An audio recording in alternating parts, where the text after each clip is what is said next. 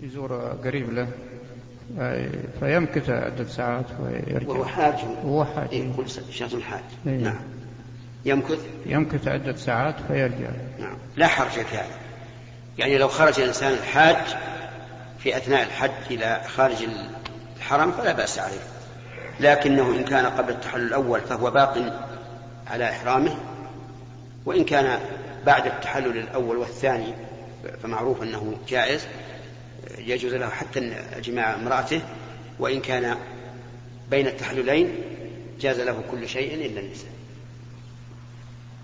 نعم. فضيلة الشيخ أثابكم الله. رجل يسأل وهو يعمل في مصرف في مصرف مركزي لدولة وكما لا يخفى عليكم أن وظيفة المصرف المركزي هو صك الأموال اللازمة للدولة وتجميع أموال البنوك الربوية وتخزينها وتخزينها لديه مع قيامه بالمعاملات الربوية. فهذا الرجل يعمل في الحراسة والحماية. فما حكم وظيفته؟ نعم. أما إذا كان باختياره هو الذي ذهب وطلب أن يكون حارسا لهذا البنك المركزي الذي يتعامل بالربا. فهذا لا يجوز. لأن طلبه أن يكون حافظا لهذا البنك يعني رضاه به وبمعاملته. أما إذا كان مسخرا من غيره مثل آه، الشرط والجنود الذين يوجهون إلى حماية هذه الأماكن فإنه لا شيء عليه. لأنه ما رضي لكن عمله يقتضي ذلك. نعم. فضيلة الشيخ من المعلوم أن من عقيدة أهل السنة والجماعة أن المؤمن أن العاصي إذا دخل النار لا يخلد في النار. لكن ما الجواب عما ثبت في الصحيحين أن النبي عليه الصلاة والسلام قال من قتل نفسه بحديدة فحديدته في يده يتوجب في نار جهنم خالدا مخلدا فيها أبدا. هذا إشكال. من المعلوم أن من عقيدة أهل السنة والجماعة أن من دخل النار بذنب دون الكفر فإنه لا يخلد فيها. وقتل النفس ذنب دون الكفر. فما الجواب عما ثبت عن النبي عليه الصلاة والسلام؟ أن من قتل نفسه بشيء فإنه يعذب به في نار جهنم خالدا فيها مخلدا مخلدا فيها خالدا أبدا. حيث ذكر الرسول عليه الصلاة والسلام التأبيد. جوابنا على هذا من أحد وجهين إما أن لا تصح كلمة أبدا عن النبي عليه الصلاة والسلام وأن يكون معنى وأن تكون كلفظ الآية ومن يقتل مؤمنا متعمدا فجزاؤه جهنم خالدا فيها وليس فيها التأبيد.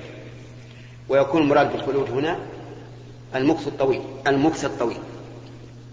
وإما أن يقال إن هذا مستثنى ممن يخلد في النار وليس من من من أهل الكفر. هذا إذا صحت هذه الكلمة عن النبي صلى الله عليه وسلم. ولا يبعد لأن الإنسان الذي الذي يقتل نفسه والعياذ بالله قد يكون مسلخا قلبه من الإيمان. لأنه لا يقتل نفسه إلا فرارا من من من من قدر الله وعدم صبر على أقدار الله عز وجل. فقد يكون قلبه في تلك اللحظة منسلخا من الإيمان. كما جاء في الحديث لا يزني الزاني حين يزني وهو مؤمن. فالجواب عندي من أحد وجهين. إما أن يقال إن كلمة أبدا لم تصح فيكون لفظ الحديث خالدا آه، مطابقا للفظ الآية.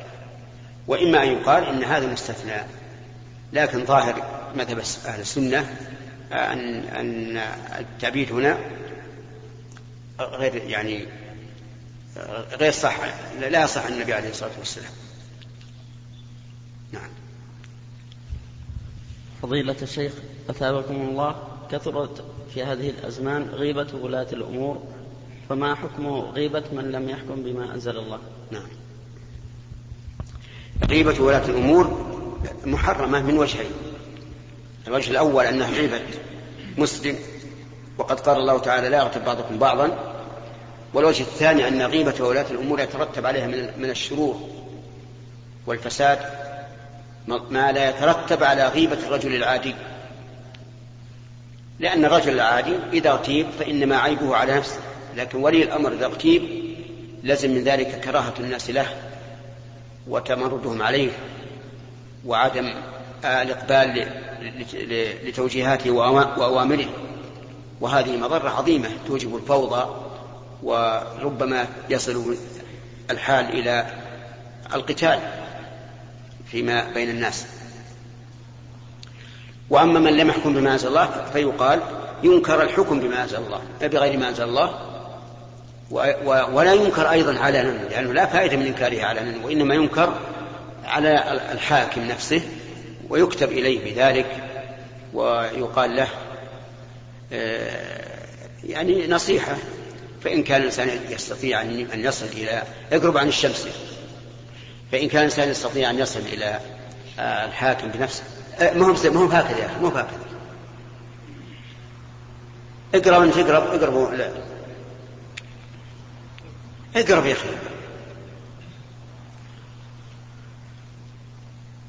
آه، فإن كان يستطيع أن يصل إلى الحاكم بنفسه فهذا المطلوب وإلا كتب النصيحة و... و... وإلا وجه وكتب النصيحة ووجهها وأعطاها من من يوصلها إلى الحاكم. نعم. فضيلة الشيخ أثابك الله. ما السنة في المولود؟ فإننا نسمع سننا ولا ندري ما صحتها. وش سمعت؟ وش سمعت؟ مثل حلق رأسه. إيه. آه، حلق رأس الغلام. في اليوم السابع سنة جاءت به جاء به الحديث عن النبي صلى الله عليه وسلم. يحلق ويتصدق بوزنه ورقا أي فضة.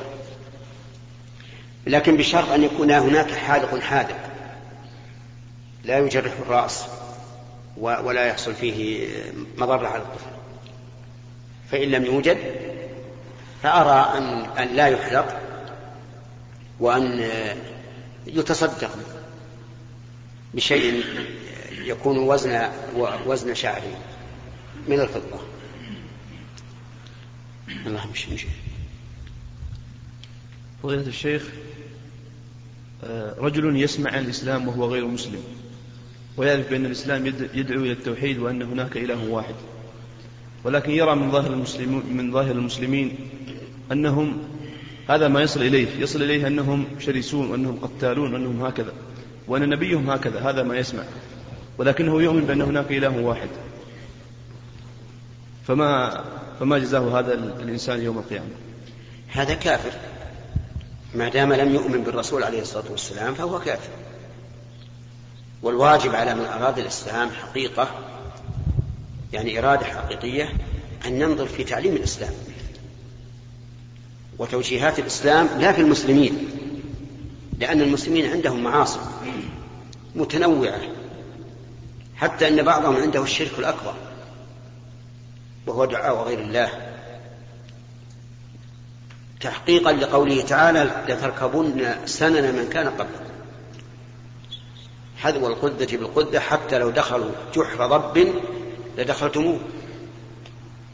جحر الضب معروف أنه متعرج ليس مستقيما.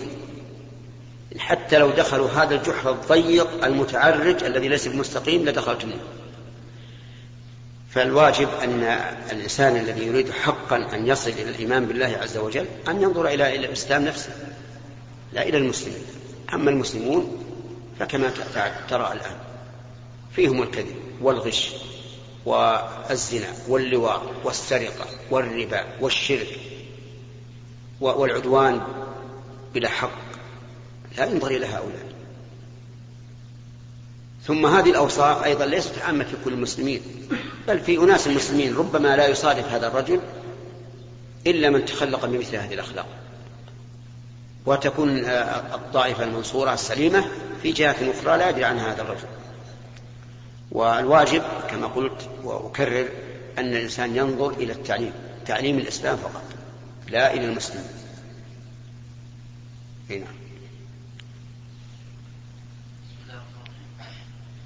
الشيخ وفق الله في شخص سلف شخص ما عشر آلاف ريال. وحال سلف شخص عشر آلاف ريال.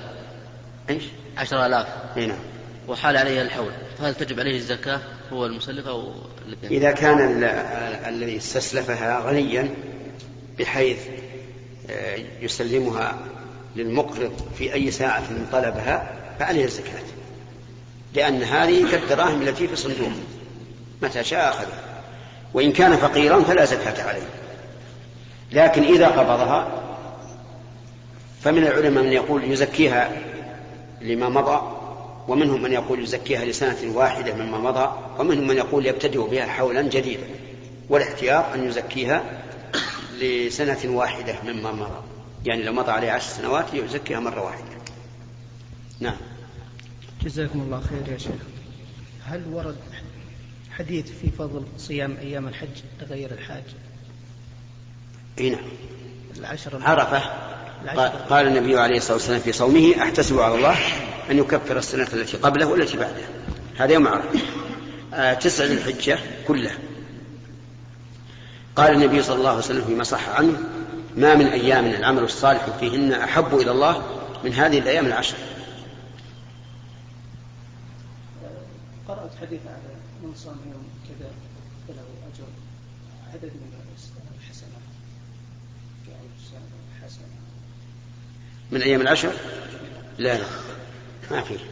أصح ما ما فيه هو هذا أن الرسول كان قال ما من أيام العمل الصالح فيهن أحب إلى الله من هذه الأيام العشر ولا شك أن الصوم من الأعمال الصالحة. نعم. نعم. فضيلة الشيخ في رجل توفى له أحد أقاربه في جدة وصلوا عليه الناس غسلوا ويبعد المنطقة دي حوالي 250 كيلو. إيش؟ لم يحضر خالة. نعم. وإمام مسجد يبعد عن 250 كيلو. نعم. فجمع الناس وصلى صلاة الغائب على خاله إي. وماتوا في نفس السنة ناس كثيرين لم يصلي عليهم. هل ننكر عليه الشيخ يقول لي لازم. وإلا يكون على تصوير نقول له بهدوء. أعندك دليل, دليل على هذا؟ النجاشي دليل النجاشي. ما يخالف. إذا قال عندي دليل النجاشي. نقول النجاشي ملك في الحبشة. قائد. مات في بلد غير إسلامي. لم يعلم أنه صلى عليه. فصلى عليه النبي عليه الصلاة والسلام. لكن ألم يمت أناس كثيرون في عهد الرسول عليه الصلاة والسلام في غير المدينة ما صلى عليهم؟ سيقول بلى.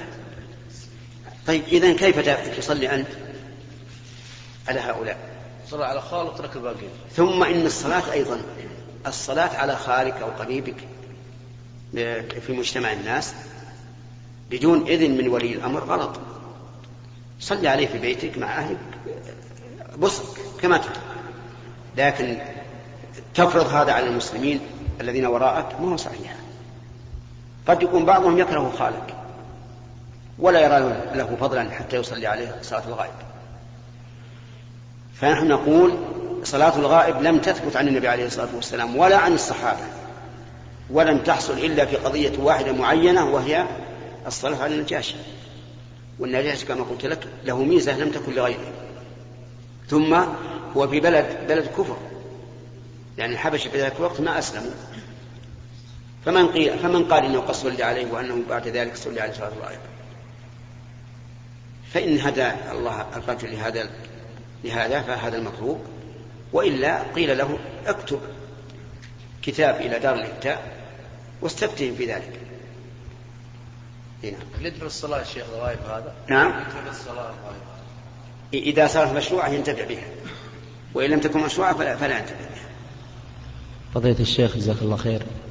آه، رجل أوصى رجل شخص ثاني أن يشتري له جهاز. فذهب الرجل الآخر. جهاز إيش؟ جهاز الكهربائي إلكتروني. جهاز إلكتروني حق تحديد الاتجاهات. جهاز في جهاز يحدد الاتجاه اللي انت انت موجود هنا إيه؟ فتروح في أي مكان في البر إيه؟ فرجع دليل يعني دليل, دليل. نعم. ها؟ تقريبا زي البوصلة. نعم. فذهب الشخص هذا فشراه ب 150 ريال. فجاء باعه على الشخص الثاني اللي أوصاه 200 ريال. فما حكم هذا؟ لا تحل له الخمسون الخمسون الزائدة حرام عليه لأنه وكيل. وقد اشتراه بنية أنه لمن وكله. فالواجب عليه الآن لو تقول له جزاك الله خير يجب عليه أن يرد الخمسين إلى من اشتراه له.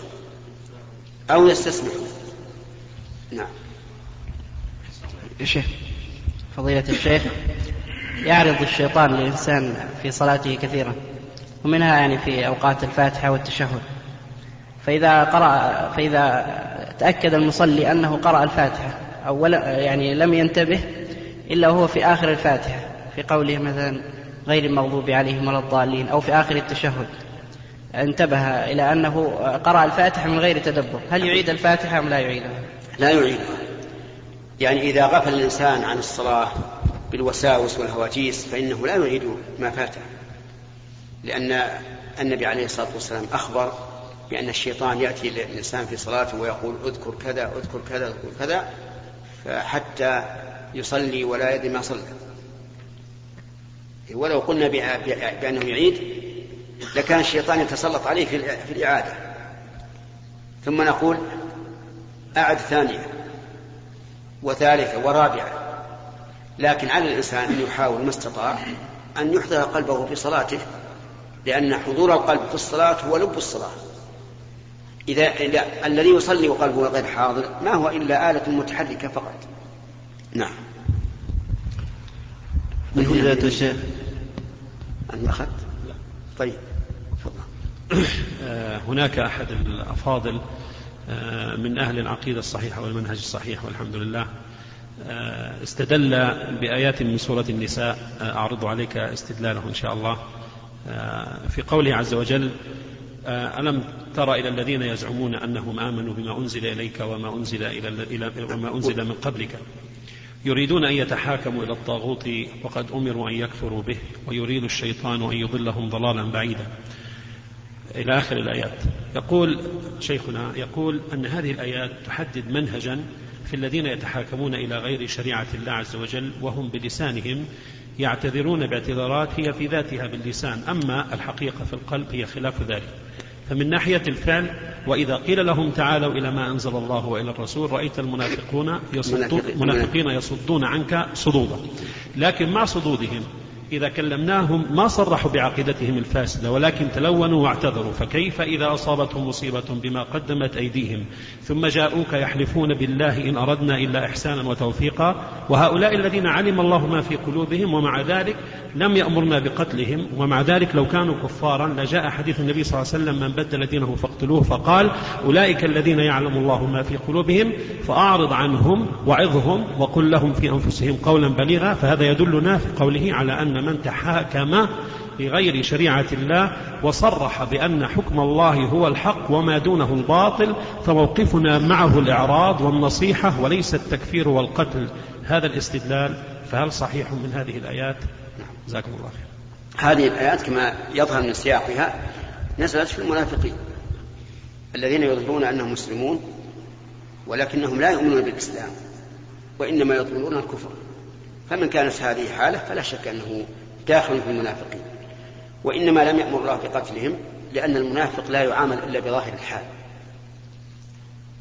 كما قال النبي عليه الصلاة والسلام حين استؤذن في قتل المنافقين لا يتحدث الناس أن محمدا يقتل أصحابه. ولو ذهبنا نقتل كل من اتهمناه بالنفاق لكان في ذلك مفسدة عظيمة. ولهذا قال أولئك الذين يعلم الله ما في قلوبهم ونحن لا نعلم ما في القلوب فحكمنا على الظاهر. هؤلاء المنافقون يريدون أن يتحاكموا إلى الطاغوت لكن قد لا يتسنى لهم ذلك لأنهم في دولة قد سيطر عليها حكم الإسلام. لكن هم يحبون أن يتحاكموا إلى الطاغوت أي إلى ما يخالف الشرع. وقد أمروا أن يكفروا به ويريد الشيطان أن يضلهم ضلالا بعيدا وقد تمكن منهم. أولئك لا وإذا قيل لهم تعالوا إلى ما أنزل الله وإلى الرسول رأيت المنافقين صرح.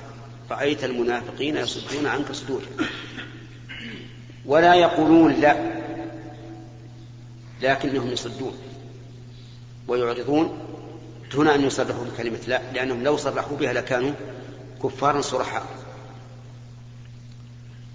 فكيف إذا إذا أصابتهم مصيبة بما قدمت أيديهم؟ يعني واطلع عليهم وعلى نفاقهم ثم جاءوا يحلفون بالله جاءوا للرسول عليه الصلاة والسلام يحلفون بالله إن أردنا إلا إحسانا وتوفيقا. والآية صريحة بأن هؤلاء محكومين وليسوا حاكمين ولهذا يأتون يعتذرون إلى الرسول عليه الصلاة والسلام. أولئك الذين يعلم الله ما في قلوبهم فأعرض عنهم وعظهم وقل لهم في أنفسهم قولا بليغا.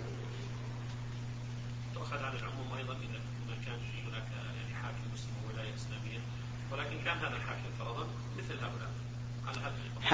ما نعلم لا نعلم لا نعلم ما في قلبه. لا نعلم ما في قلبه. والرسول صلى الله عليه الصلاة والسلام لم يجد ال- الولاة إلا إذا رأينا كفرا بواحا عندنا فيه من الله برهان صحيح يعني والنصيحه أي نعم نعم. لكن بالنسبة لمن؟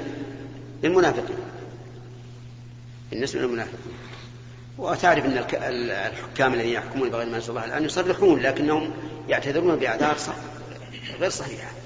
ولهم يصرحون يقول نعم نحن نقول هذا ونقول هذا القانون ولا ونعلم أن- أن- أنه يخالف الشرع لكنهم يتأولون بأشياء يت- يتأولونها فهم يصرحون.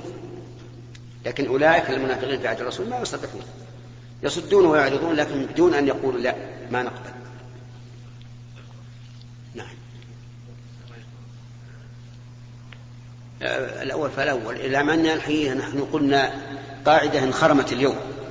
قلنا اللي, اللي هنا لا, لا يتقدمون على الذين يأتون منه. عطل الأخ. عطل الأخ. أنت من, من هنا. عطل اللي عند الباب. أنت من, من هنا؟ اللي أخذ الم... ال- من عنيزة يلا تفضل. أحسن الله إليك شيخ. روى الطبراني في الأوسط من حديث أنس بن مالك آه، أن النبي صلى الله عليه وسلم مر بأعرابي وهو يدعو في صلاته. وهو إيش؟ وهو يدعو في صلاته. نعم. يقول الأعرابي يعني يا من لا تراه العيون ولا ولا تخالطه ظنون ولا يصفه الواصفون. نعم. فقره النبي صلى الله عليه وسلم بإعطائه ذهب. أتى- النبي صلى الله عليه وسلم ذهب فأعطاه كما تعلم جزاك الله خير. فكيف يعني لا يصف الواصفون ونعرف من مذهب مذهب أهل السنة والجماعة أن أن ال- من عقيدة السلف أن أن الله يوصف بما وصف به نفسه وبما وصف به النبي صلى الله عليه وسلم. وكذلك يرى الله سبحانه وتعالى في, في الآخرة. وهو يقول يا من لا تراه العيون في هذا. هذا الحديث بارك الله فيك منكر. مكذوب على الرسول عليه الصلاة والسلام. لأنه يخالف الآية. وجوه يومئذ ناظرة إلى ربها ناظرة. ويخالف السنة. فإن الرسول عليه الصلاة والسلام كان يصف ربه بما يصفه به وكذلك أجمع السلف على وصف الله تعالى بما وصف به نفسه ووصفه به رسوله. وأنا أنصحك وغيرك من من يستمع أن لا تعتمدوا على مجرد السند حتى لو لو تدبرنا سند هذا مع أني ظاهر ظان أنك لو رجعت إلى سنده لو- لوجدته لا يعتمد عليه. لكن حتى لو فرضنا أن السند لا بأس به فلا بد أن نعرف المتن. ولهذا من شرط الصحيح أن لا يكون معللا ولا شاذا. وهذا لا شك أنه علة عظيمة إذا خالف ظاهر القرآن. فلا عبرة به.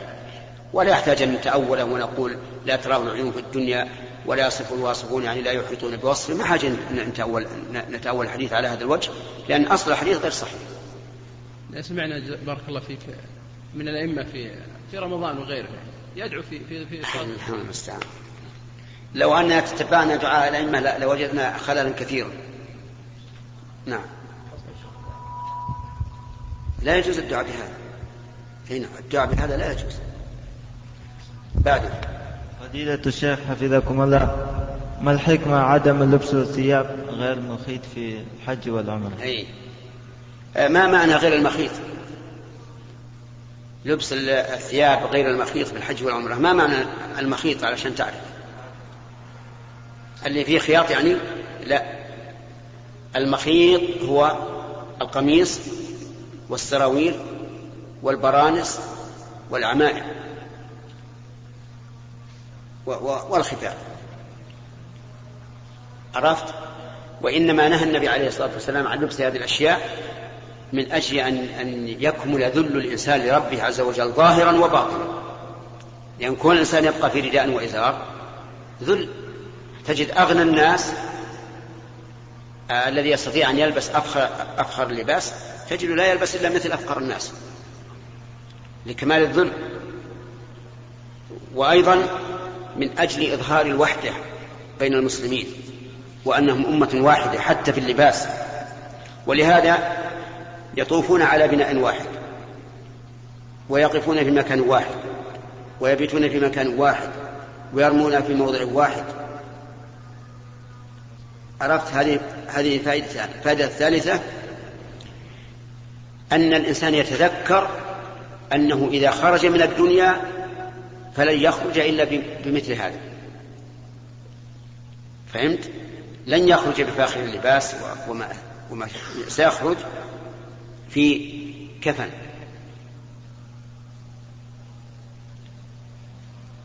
كم حكمة فهمت؟ ثلاث. بارك الله فيك. وهذا الأخ موسى يشير إلى أنه انتهى المجلس وإلى اللقاء القادم إن شاء الله تعالى. نسأل الله أن يوفقنا وإياكم لما يرضيه. وأن يجعل عملنا وعملكم في طاعته واجتناب معاصيه. والحمد لله رب العالمين. السلام ورحمة الله. أيها الإخوة اخترنا أن نكمل بقية هذا الشريط بالمادة التالية. إذا كنا مع عالم من العلماء وقابلنا بعض الكفار فهل نعظمه أمامهم ليكون هذا إغاظة لهم؟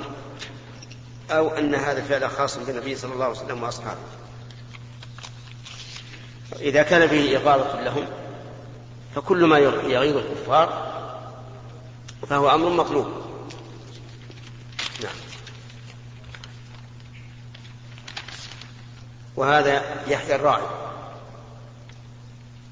يقول إذا آل الرجل من زوجته فهل تحسب أيام الأعذار من من العدة وهل يحصل الفيء بغير الوطن؟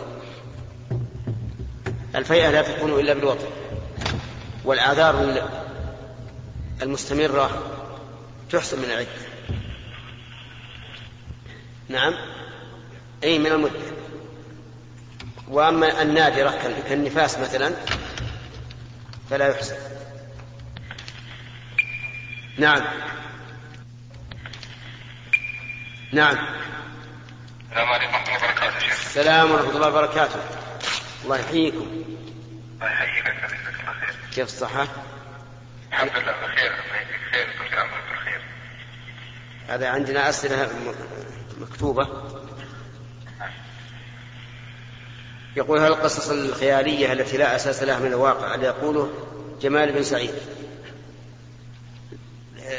تعتبر كذبا وهل من هذا النوع ما سار عليه الحريري في مقام في مقاماته؟ ما قصد نقول ما قصد به ضرب المثل ولم ينسب إلى شخص معين فلا بأس به. حتى أن بعض العلماء قال في قوله تعالى وضرب, وضرب الله ضرب الله مثلا عبدا مملوكا. على ضرب مثل ليس له حقيقة واقع حتى قال بعضهم في قوله تعالى وضرب الله مثلا رجلين أحدهما أبكى لا. واضرب لهم مثلا رجلين جعلنا لأحدهما جنتين من أعناب أيضا إنها قصة للعبرة. نعم. من هذا النوع؟ من هذا النوع. ما فيها شيء. لكن لا تقول قال فلان وهو لم يقل. أيها الإخوة في ختام هذه المادة نسأل الله أن نلقاكم في لقاءات متجددة.